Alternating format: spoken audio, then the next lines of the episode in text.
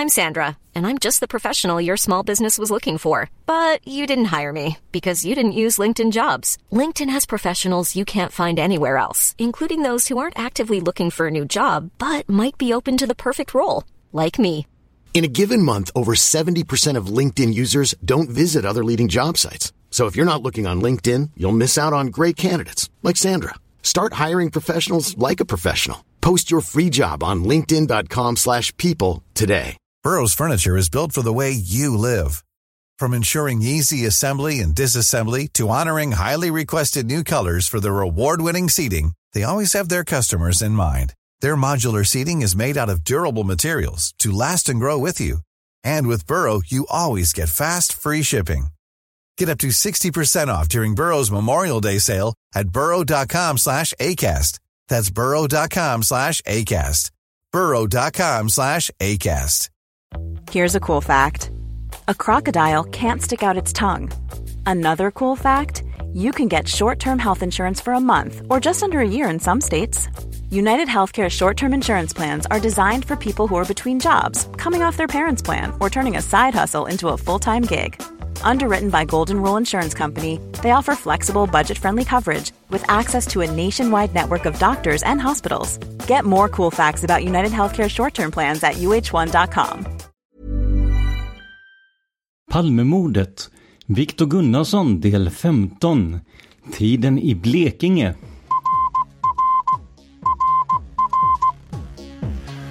Sveriges statsminister Olof Palme är död. 90 000. Ja, det är mord på Sveavägen. Hörde de säger att det är Palme som är skjuten. Mordvapnet med säkerhet är en Smith Wesson, en revolver kaliber .357. Inte ett svar. Det finns inte ett svar. För jag har inget. Och jag har inte varit Varför skulle jag göra Polisen söker en man i 35 till 40-årsåldern med mörkt hår och lång mörk rock. Välkomna till podden Palmemordet som även idag görs av mig, Tobias Henriksson på PRS Media. För mer information om mig och företaget, gå in på facebook.com prsmedia.se eller se hemsidan prsmedia.se.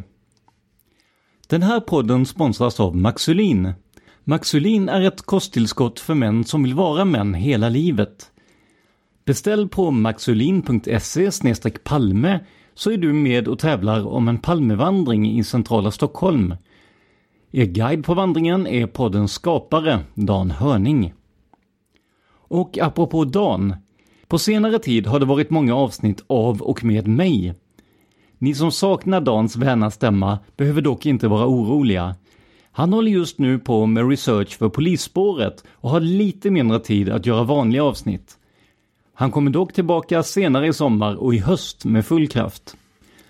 Om ni som lyssnar vill hjälpa podden att överleva och se till att vi kan ta oss an stora spår, som till exempel polisspåret, gå in på patreon.com palmemordet, alltså p-a-t-r-e-o-n.com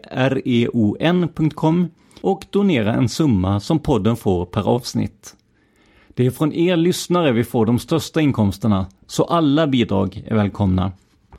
Idag ska vi avhandla ett ämne som inte fått så mycket uppmärksamhet i narrativet om Viktor Gunnarsson. Vi vet en hel del om hans tid i Stockholm, tiden runt mordet, emigreringen till USA och hans död. Men det vi vet minst om tycks vara hans tid i Karlskrona-trakten, där han föddes och växte upp. För övrigt inte så många mil från min egen uppväxtort. Av en ren slump fick jag tag på en person som kände Viktor under tiden i Blekinge och det är med honom vi kommer att prata idag. Vi ska presentera både honom och en del av uppgifterna om en stund, men vi börjar med en helt annan historia. Lördagen den 1 mars vaknar en femårig kille på sitt rum i Blekinge. Han tar sig sömndrucken fram till TVn för att se Godmorgon Sverige och barnprogrammen som då visades. Men inte den här morgonen. Istället fick publiken reda på att Sveriges statsminister Olof Palme skjutits under natten och att han senare dödförklarats. Som ni förstår är pojken i berättelsen jag och strax efter detta väckte jag mina föräldrar och berättade att det hade hänt något stort. Jag minns inte idag om jag sa att det var just Palme som var död. För det är ju just det. Minnet förändras och suddas ut med tiden. Vad var det egentligen vi gjorde den morgonen? Och vad var det vi skulle se på TV? Själv vill jag minnas att det var Hacke Hackspett, men bland läsarna på vår Facebook-sida, facebook.com palmemordet, finns lika många olika minnesbilder som personer. Som ni märkte i avsnitt 1 av Mytmosarna gillar jag att spräcka myter och ta reda på hur det egentligen var. Så även den här gången. Jag kontaktade SVT för att höra vad som egentligen skulle sändas den ödesdigra morgonen och efter en del skrivande fram och tillbaka fick jag svar. Anders Lundin på SVT Kontakt är förvisso inte den Anders som varit programledare för Allsång på Skansen, men han har en enorm kunskap om sitt företag och en passion för att leta i dess arkiv. Så här skrev han till mig. Hej Tobias! Nu har jag äntligen lyckats kolla upp det här med den planerade tv-tablån för första mars 1986. Tyvärr är informationen kanske inte så utförlig som du skulle önska. Som du säkert har koll på sändes Extra Rapport från 6 till 7.30 och Extra Aktuellt från 8 till 10 samt nyheter på finska från 10.00 till 11.20. Den tablå som egentligen var tänkt såg ut så här. Och här citerar vi tablån som Anders skickade. 08.00 God morgon Sverige Direkt från Studio i Göteborg, nyheter, gäster, artister samt Barnblocket med Hemliga Arne. Programledare Fredrik Belfrage. 10.00 Lilla Tvåan.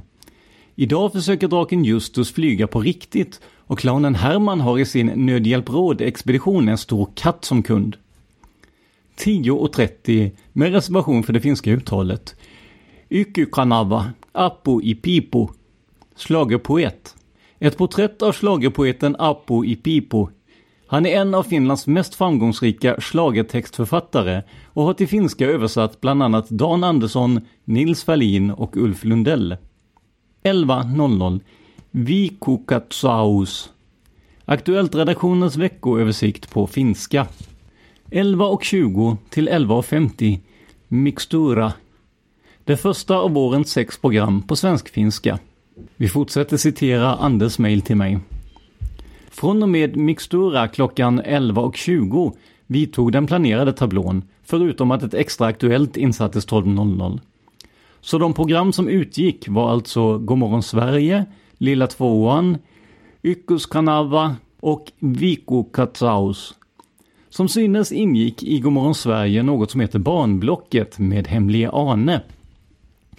Det är möjligt och ganska troligt att det var där som det bland annat visades Hack i hackspett. Men tyvärr lyckas jag inte få fram noggrannare information än så här. Som det ser ut verkar det ju i alla fall inte som att det var i lilla tvåan som något sådant som Hack i hackspett förekom. Så nu har vi lite bättre koll på vad vi egentligen missade lördagen den 1 mars, dagen efter mordet på Olof Palme. Och vi vill verkligen tacka Anders Lundin på SVT Kontakt för all hjälp i det här ämnet. Nu ska vi tillbaka till Viktor Gunnarssons blekingska bekant. Och vi låter honom presentera sig själv. Ja, jag heter Jan Nyberg och eh, hade, hade möjlighet att träffa Viktor eh, vid två tillfällen. Kan du berätta om de tillfällena? Ja, då, eh, det var någon gång 78-79. Jag drev en resebyrå i Karlskrona. Och in kommer det en eh, leende, charmerande man. Så bra ut. Han hade rappt handslag och snabba steg och han tog kommando direkt och började prata, prata, prata, prata. Och eh, han kom för att han skulle söka en praktikplats. För han har tydligen gått på en eh, folkhögskola, sådana turism och resa sådär. Så det är därför han kom och eh, så börjar han prata engelska eller amerikanska, tjusig amerikanska. Han eh, skulle då även tala om för mig och, och vilken eh, dialekt de hade i North Carolina. Så det har slått mig i efterhand att eventuellt har han haft kopplingar dit redan in, långt innan, alltså mitten på 70-talet. Så kan det ha varit.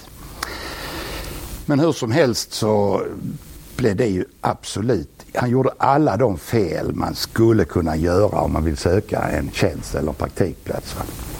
Så att när han väl gick så sa jag bara det, vad var detta för en tosing helt enkelt. Va? Ungefär så. Eh, vilket år var det som du, höll, som du träffade honom på resebyrån? Ja, jag tror det var 78 eller 79. Och sen så hände det ju här och, ehm, och sen en dag jag mm, fick upp Kvällsposten och på första sidan så var det en bild på Viktor Gunnarsson. Och du vet, eh, den som en gång har träffat honom glömmer honom aldrig. Han såg bra ut. Eh, han hade sitt sätt som, var, som ingen glömde egentligen. Och det, jag blev alltså alldeles kall inombords när jag såg att det var det, det är den här idioten som jag faktiskt har träffat. Så ditt intryck av honom där var inte odelat positivt? Nej, alltså jag ser honom som en fullständig eh, tosing alltså. Han, eh, jag har haft någon erfarenhet i jobb tidigare, jobbat med mytomaner. Och det är rätt så, jag har då lärt mig lite grann att kunna avslöja sådana också. Och det var ah, när han började gå igång och berätta oväsentligheter och, och, och stories så, så ringde det en massa varningsklockor. Men han ville ha en prak eh, praktikplats eh, hos dig var det så? Ja, han behövde det för att han ville eh, börja jobba i resebyråbranschen som han sa. Men det blev ju ingenting hos mig och sen så fick jag höra från andra kollegor i Karlskrona att han hade varit där också och, och skulle att, eh, ha praktikplats. Men han fick det aldrig, aldrig någonsin. Ingen ville ta in honom. Och det har ju slått mig nu i efterhand att han har ju jobb, varit på sina vikarier, eller som vikarier på massa skolor. Men ingen har kunnat behålla honom. Så att han var ju rätt så misslyckad stofil egentligen. Va? Ingen utbildning, jobbar som vikarie och och gör sig omöjlig på alla platserna. Och även som då som har det framkommit här med jobbar som vakt och det har han inte heller kunnat fortsätta med. Så att han har inte kunnat behålla några jobb någonstans. Vad var, det för, vad var det som fick varningsklockorna att börja ringa för dig? Vad var det som gjorde att han inte var lämplig? Nej, det var ju... Du vet, det, det han pratade om det var att och sitt och, och på amerikanska och sånt där. När han kom och försöka ett jobb. Så att eh, han, det blev bara fullständigt omöjligt. Precis som det blev på de andra ställena han gick till. Du eh, träffade honom på hans, eh, eller i hans hemby också senare, eller hur? Ja, just precis. Några år efter mordet, jag vet inte exakt när, så passerar jag genom hans by och då skulle jag stanna och fika, eller vi var två stycken. Så på torget där låg det ett litet konditori och där gick vi in och satte oss och beställde och satte oss. Och jag såg, upptäckte inte att det var några andra människor men helt plötsligt så är det en högljudd människa som säger det är jag som är 33-åringen. Och då var det alltså Viktor Gunnarsson i egen hög person.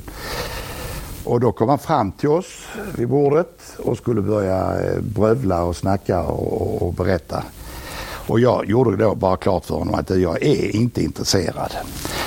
Hade jag vetat det nu så hade jag jättegärna pratat med honom mycket, mycket, mycket då. Men det gjorde jag inte.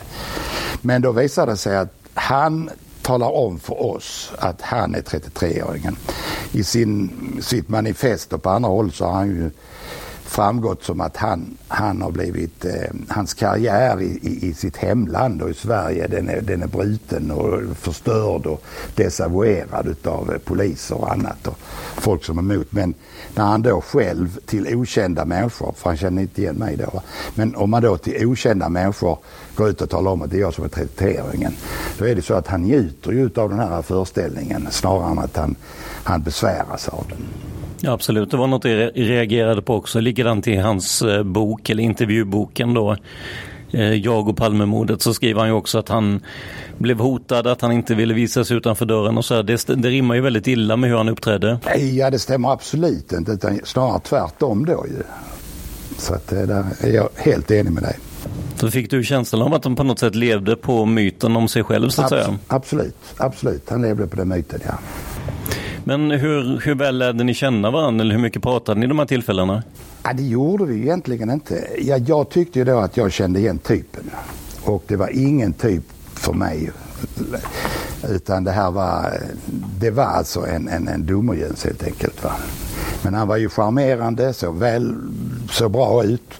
Vita fina tänder och, och, och fint leende. Och så att, han var ju charmerande och det förstår jag. Och, så, så här, han var en sån womanizer. Att, att han hade, gjorde intryck på kvinnor, det är ju absolut uppenbart. Va?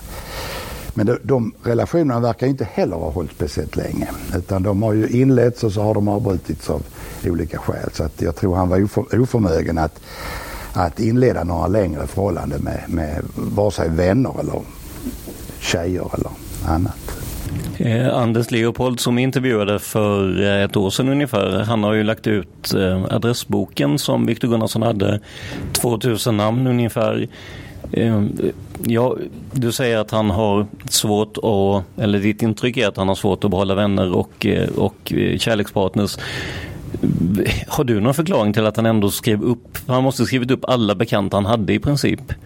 Ja, och det var lite märkligt för att jag gjorde ett av de namnen som fanns, det var en kvinna i Karlskrona.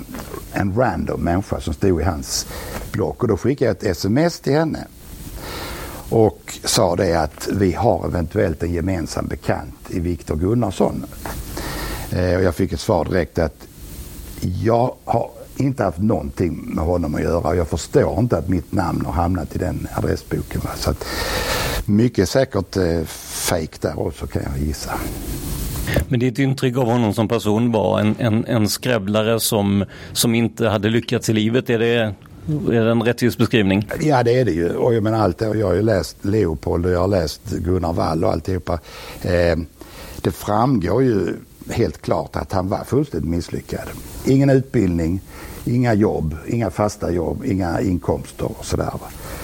Och eh,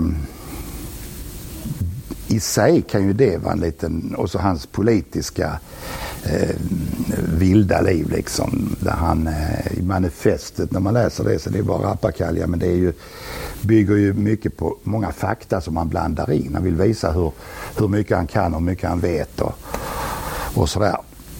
Men eh, han är en omöjlig person i alla fall. Märktes han av i, i, i det vardagliga livet i Karlskrona? Pratades det mycket om honom och sådär? Vet du det? Nej, jag flyttade därifrån sedermera men så jag har egentligen inte träffat någon som har känt honom eller haft något förhållande. Och, sådär. Och jag har blivit lite förvånad här i efterhand att inte fler som har träffat honom har hört av sig på ett eller annat sätt. Jag uppskattade väldigt mycket din intervju med Jeanette och jag tyckte det var oerhört mycket intressanta saker som kom fram kring Viktor där. Va? Och jag ser inte att Jeanette skulle ha en enda anledning så här 32 år efteråt att frisera någon verklighet eller, eller hitta på saker som inte stämde med honom. Så att, eh, jag tyckte det var väldigt vederhäftigt. För det är ju så att vi har sökt, eh, vi har sökt familjen, vi har försökt få tag i vänner, eh, lärarkollegor och liknande. Det, det har inte gått, ingen vill prata om Viktor Gunnarsson. Har du någon tanke om varför det kan vara så? Ja, ja jag, kan, jag kan förstå det på ett sätt. Jag vill gärna, jag gör det gärna här nu, men det beror på att jag följer den här eh, Palmepodden och, och, och, och på, och på Facebook och sådär. Men eh, jag har just inte, inte upptäckt någon annan som från hans tidiga umgänge eller, eller där som, som också finns med och är intresserad. Så är man inte intresserad av Palmemordet så vill man nog glömma Viktor Gunnarsson så snabbt som möjligt. Jag fick ett telefonsamtal med eh, hans syster när jag frågade om en intervju. Eh, och där säger hon att de har känt sig jagade i 30 år, både som familj och givetvis när Viktor Gunnarsson levde då. Samtidigt så var han ju väldigt skrytsam, ville väldigt gärna berätta om sin tid, både i, i häkte och som misstänkt. Och han skröt om att han var 33-åringen. Jag, jag får inte ihop den bilden. För antingen så är man ju jagad eller så söker man uppmärksamheten själv tänker jag. Ja, och eh, han jagar ju sig själv istället ju. Mm. Och jagar sig själv på alla andra. Så att eh, han, han har inte haft någon, eh, någon eh, sån här eh, ödmjuk attityd vare sig till själv, ja, framförallt inte till sig själv och inte till mordet. Men när du fick höra att han var huvudmisstänkt för mordet, hur, vad, vad kände du då? Du har ju ändå träffat honom ett par gånger. Ja, ja jag blev alltså alldeles kall.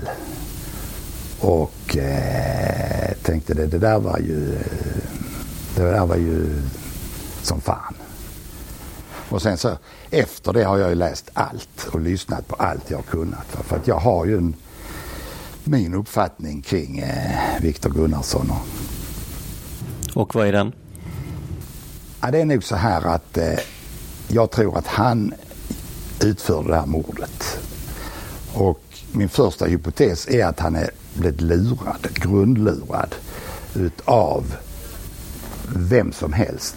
Eller utav sydafrikaner eller poliser eller vem som helst som har ingått i en grupp för att eh, helt enkelt skjuta Olof Palme.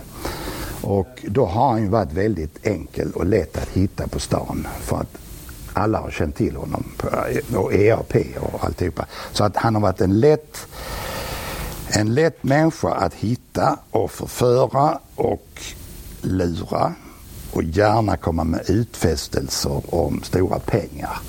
Det har pratats på annat håll om två miljoner dollar och menar, vilka summor som helst kan ju nämnas. Va? Men, men så min tro är alltså att han blev grundlurad och jag tror att eh, när han väl kom upp för trapporna så fanns inte den hjälpen som skulle finnas där för honom att ta bort honom. Så att han har blivit helt, eh, helt ställd där. Va? Och då förklarar det för mig varför han försökte eh, haffa den här bilen med, med den här eh, afrikanen för att ja. komma därifrån. Va? Så jag tror som sagt, eh, jag tillhör de som tror att det är Viktor Gunnarsson. Sen är det ganska roligt att eh, jag har ju haft förmånen att träffa två poliser också. Dels en av dem som var uppe på Sabbatsberg tidigt på natten och dels en eh, kommissarie i Helsingborg. Och den kommissarien i Helsingborg han kände ju då Stålis, eller Wingren, Börje. Men han var ju inte alls övertygad om att It's that time of the year. Your vacation is coming up. You can already hear the beach waves, feel the warm breeze, relax and think about work. You really, really want it all to work out while you're away. Monday.com gives you and the team that peace of mind. When all work is on one platform and everyone's in sync, things just flow wherever you are. Tap the banner to go to Monday.com.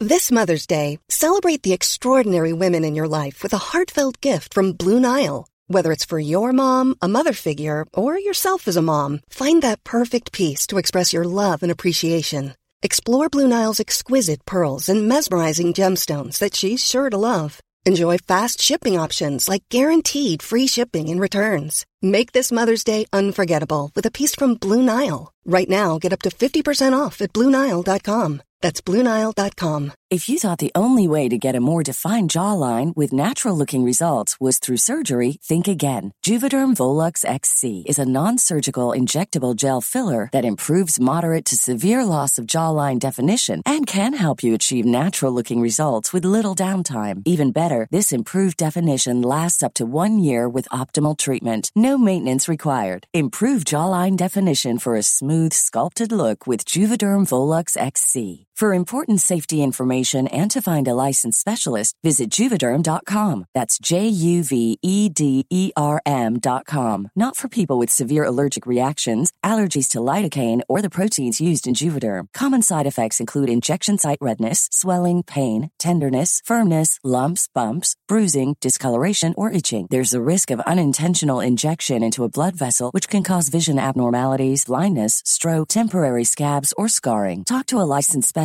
to find out if it's right for you. Jag hade rätt i det här fallet. Va?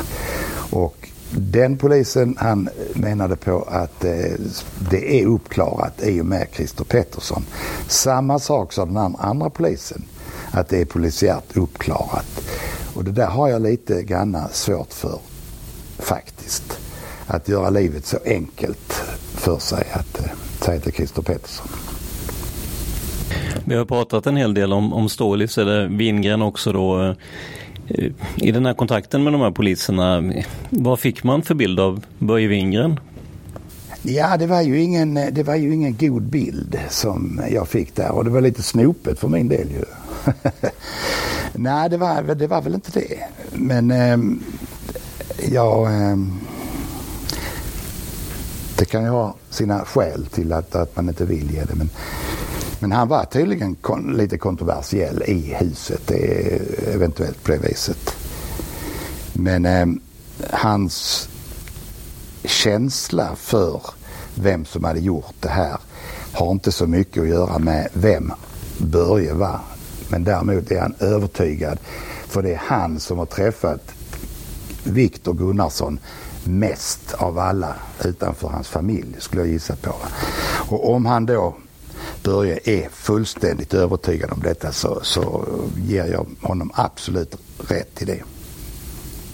Och sen läser man då eh, Leopolds eh, finfina bok också om han sköt Olof Palme så, så tycker jag det är, eh, glasklart. Alltså Viktor Gunnarsson var ju ingen skribent. Han skrev på sitt sätt och de här hotbreven som han skickade till eh, politiker och andra. Breven han skickade till, till dagstidningar och tillsammans med hans manifest ger otvetydigt uppfattningen att detta är samma skribent som har skrivit det här. Och det, det, det var väl Anders Leopold som har gjort ett förtjusande eller fantastiskt bra jobb att sammanställa detta. Och när man då ser detta så kan man inte säga nej, så är det inte. Men jag vet inte om jag nämnde det, men hans, eh, Viktors syster säger att det är omöjligt att, att Viktor skulle ha gjort det själv eh, som ensam gärningsman och där, vad jag förstod så håller du med om det eller? Absolut ja. Och där håller jag inte med Wingren i det sammanhanget. För Wingren har ju också pekat på att, att, att Viktor skulle vara ensam och det tror jag inte. Utan jag tror som sagt att han har kommit i del i, i lag med ett gäng och blivit då utsatt eh, eller han har blivit eh, ombedd att vara med i den här gruppen. Men att han har på egen hand, det tror jag är fullständigt uteslutet. Anders Leopold nämner i sin bok något som kallas för eh, The Uppsala Group, eller Uppsala-gruppen. Kan det vara någonting som eh, det skulle varit en, en, en, sammanslutning i alla fall med målet att, eh, att, att ta koll på statsminister Palme helt enkelt. Uppsala Group tycker jag är fantastiskt intressant. Och där, där framkommer det ju lite grann Säpo i Uppsala och där känner vi lite namn där också. Va? Jag tycker det är ett mycket intressant eh, uppslag.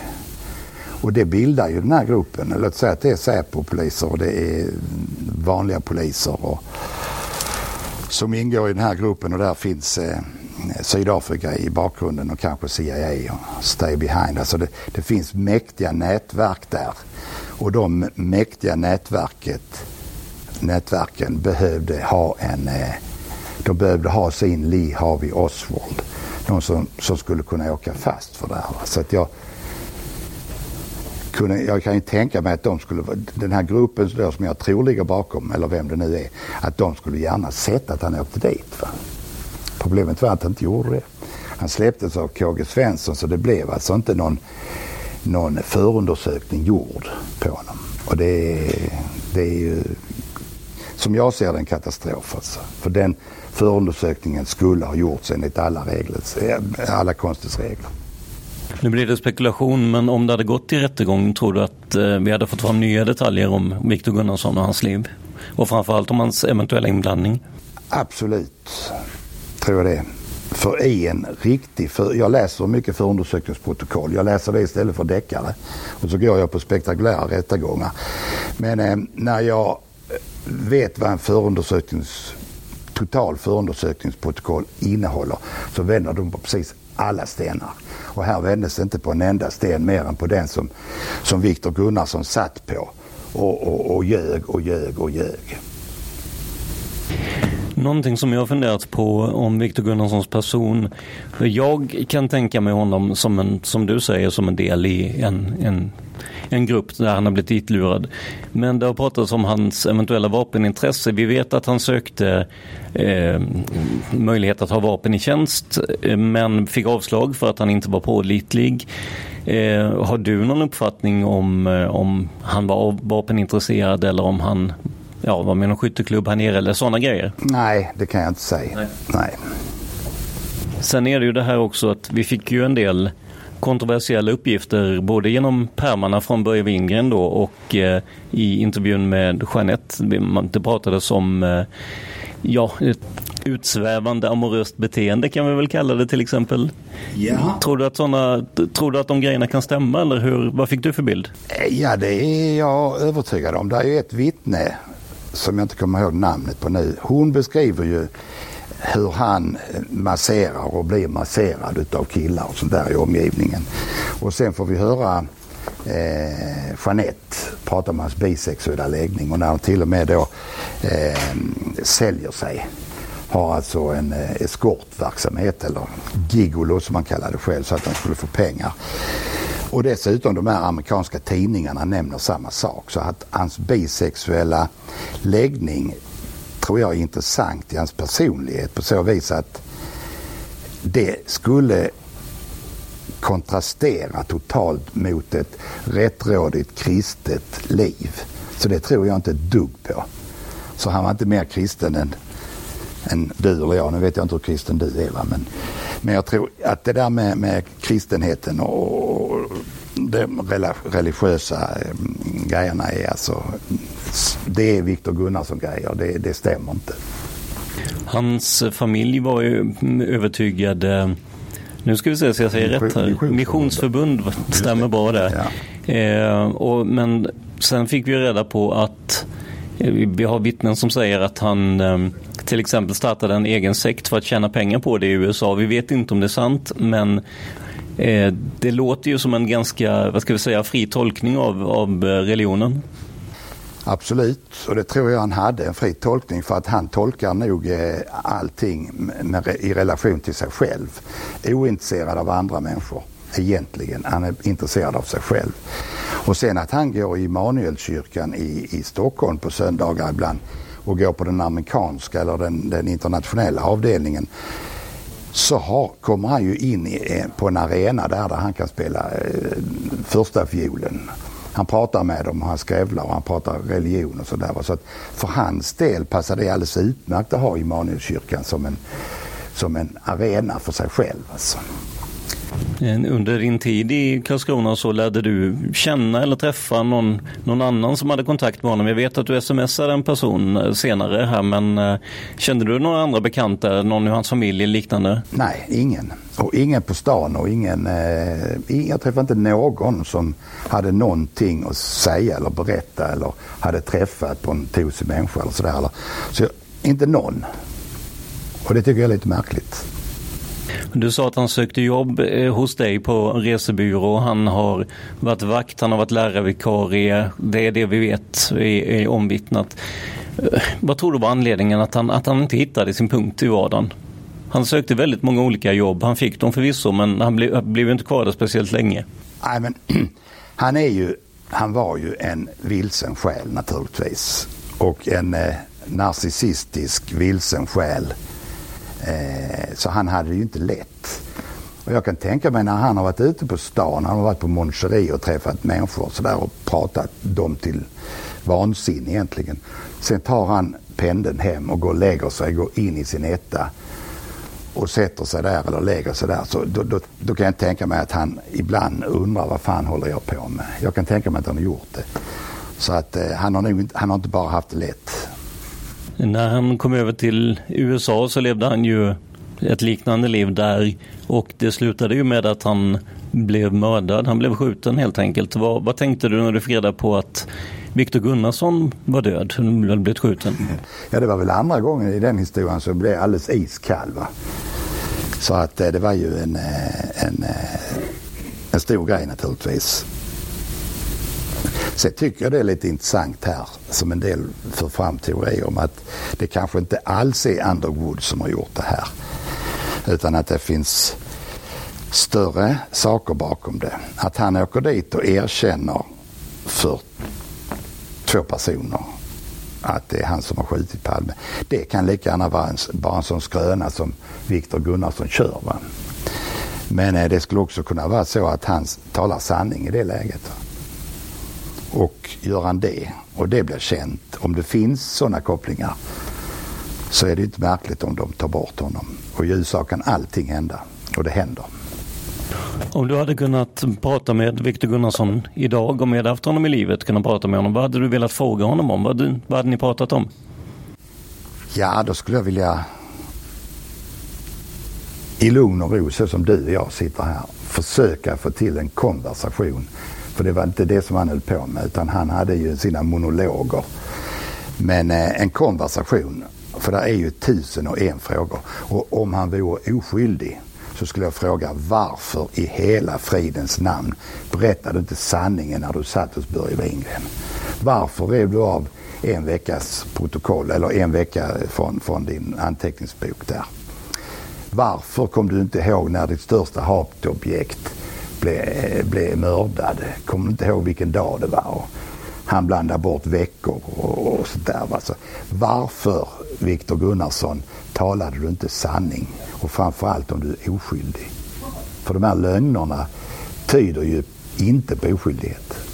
Det här med den påstådda medlemskapet i EAP, att han skulle bli utesluten ur EAP för att han hade för, för starka uppgifter. Vad, vad säger man om det? Det låter som ganska långt ifrån Viktor Gunnarsson men eh, samtidigt så Ja, alltså, blir han utesluten av e ur EAP på grund av extremism, då är det talande för att det var just det som hände. För Viktor Gunnarsson kunde inte inordna sig, tror jag alltså, i några sammanhang där inte han fick, fick eh, bestämma. Så att eh, om han blir extrem inom EAP så, så, och åker ut så tycker jag det är mycket som talar för det. Det blir återigen lite spekulation, men har du känslan av, känslan av att det finns andra personer som känner till sanningen i bekantskapskretsen, i, ja, jag vet inte, familj, utredare, som känner sanningen om Viktor Gunnarsson? Kände någon sanningen om honom? Det är ju så att garanterat så lever ju flera i den här gruppen eller sammanslutningen som skulle ta bort Olof Palme fortfarande. Och anhöriga vet om det. Så det där är många människor som vet det. Sen till att eh, nu efter 32 år komma ut med den sanningen. Den, det skulle de kanske ha gjort för 25 år sedan eller 28 år sedan eller 30 år sedan och fått de där 50 miljonerna. Så att jag tror inte någon kommer att säga sanningen, den som sitter på den. Jag tror inte, jag tror inte någon kommer komma ut och berätta att eh, det här är eh, sanningen. Det tror jag inte. För det är det som har varit det stora ämnet. Förutom att Viktor Gunnarsson givetvis var misstänkt för mordet på Olof Palme så är det att hitta vem var egentligen Viktor Gunnarsson? Och där har vi stött på problem genom hela den här serien. Frågan är, finns rimlig. Vem, vem är Viktor Gunnarsson? Och det, det i och med hans, hans död så försvinner möjligheten att ta reda på vem han var. De, de som har uttalat sig, Jeanette och, och eh, eh, Svensktoppsångerskan och andra, de har en, en eh, summarisk bild av honom och de eventuella vänner eller de som är bekanta. Men det är mycket summariskt för att han tar gåtan Viktor Gunnarsson med sig i graven. Så att få reda på vem han var, alltså jag har ju jag har teorier kring det. Jag har sett honom, jag har hört honom och jag har läst allt om honom och då så, det här är min bild. Att det är alltså en, en hopplös typ. Det har kommit fram många andra uppgifter nu i, i, ja, under året. Eh, det var en, en lång dokumentärserie om Christer Pettersson återigen i TV3. Vi hade eh, Skandiamannen som var på tapeten. Eh, hur känner du för dem jämfört med Gunnarsson? Ja, alltså, Christer Pettersson är diskvalificerad redan på massor med år sedan. Och Stig tycker jag var en charmerande androgyn människa. Han vann ju SM i, i androgynitet man hör honom i de intervjuerna som ligger ute och när han har slått larm om att han vet och att han eh, har sett och att han velat bli vittne men inte fått. Polisen vill inte prata med honom. Så att hela hans språngmarsch in där på Tunnelgatan tror jag aldrig har inträffat. Däremot kan jag tänka mig att han har kommit ut från sitt kontor och sett vad som hände. Men han har inte vare sig gått fram eller vågat gå fram och, och, och, och, ta någon aktiv del i det här. Det tror jag inte alls på. Men han har ju sett det och han har förstått det och han har fått information därifrån och då har han gått tillbaka in på, på Skandia och, och uppriven och, och, och sådär sagt att det har hänt och sådär. Alltså. Men eh, han ville väl ha sina 15 minuter i rampljuset och det fick han ju. Och han får det även fortfarande. Jag tycker det är en rätt så fin liten film som finns eh, på, på nätet. Där han springer in och där han pekar med hela handen för att visa hur eh, noga han visade för poliserna. Och sådär. Så kom man till eftertanke att oj, det, jag har gett fel, fel eh, eh, signalement. Jag måste springa och rätta till mitt signal, signalement för poliserna. Det där tycker jag känns eh, oerhört eh, långt borta från verkligheten. Eh, en fråga som jag, som jag måste säga att jag glömde, men Viktor Gunnarsson som gärningsman så att säga, eller i utredningen så möter han ju den här taxichauffören Ibrahim som eh, till en början verkar säker på att det är Gunnarsson. Han säger att eh, ja, att det var honom jag mötte. Han säger att Gunnarsson luktar vitlök precis som flickorna på Mon sa och så vidare. Men det vittnesmålet och den konfrontationen blev ju synnerligen diskuterad senare. Vad, vad är din inställning till, till den som ändå har läst eh, Leopolds bok som har kikat på det här? Ja, det som är tosigt i det sammanhanget är ju att den som får bära hundhuvudet för detta är ju Börje Wingren. Som enligt egen utsago inte hade någonting med det här att göra. Så att han blir också ställd och störd av det. Av det. Eh,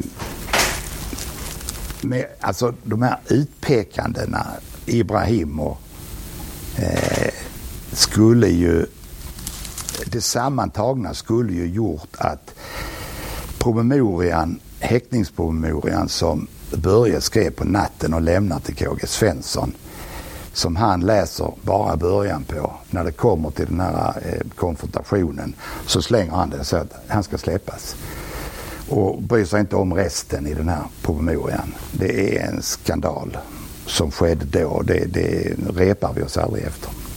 Är det något som du vill tillägga eller någonting mer som du känner att vi har missat här? Nej, jag skulle vilja tacka för alla fantastiskt fina poddar som du och, Dan har gjort och jag ser fram emot, jag ser fram emot det som komma skall med, med polisspåret för det tycker jag är synnerligen intressant och det är ingenting i det som säger att det inte var Viktor Gunnarsson som blev engagerad utav någon polis för att utföra det här. Jag kan tänka mig att även poliser skulle se en fördel i att ha någon annan tredje person som utför själva mordet medan de själva är på lite grann på avstånd. Men effekten de får är ju 100% i framgång. Och där tackar vi Jan Nyberg för ett mycket intressant samtal kring Viktor Gunnarsson.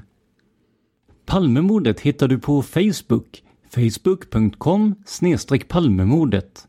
Vi finns också på Youtube. Bara sök på Palmemordet.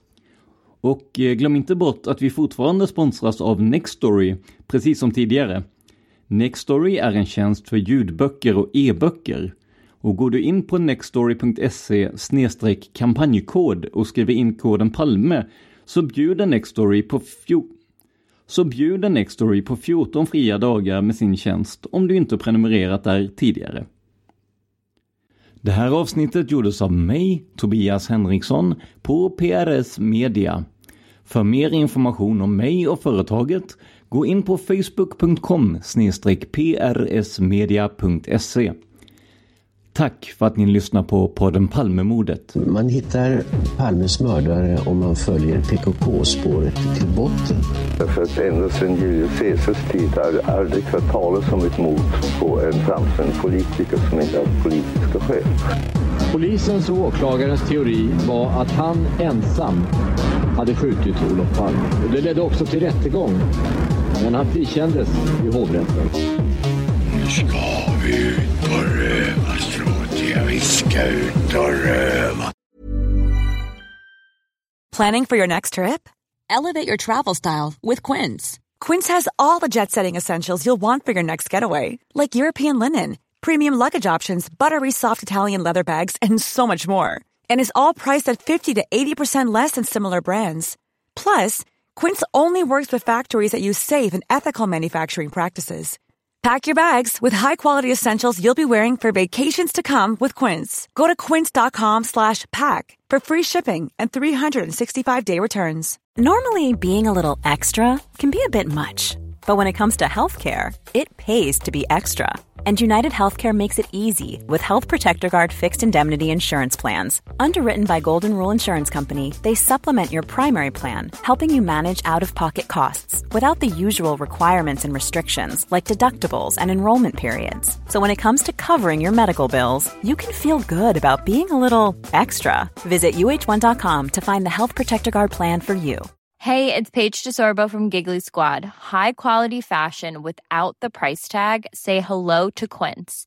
I'm snagging high-end essentials like cozy cashmere sweaters, sleek leather jackets, fine jewelry, and so much more. With Quince being 50 to 80% less than similar brands. And they partner with factories that prioritize safe, ethical, and responsible manufacturing. I love that. Luxury quality within reach. Go to quince.com slash style to get free shipping and 365 day returns on your next order. Quince.com slash style.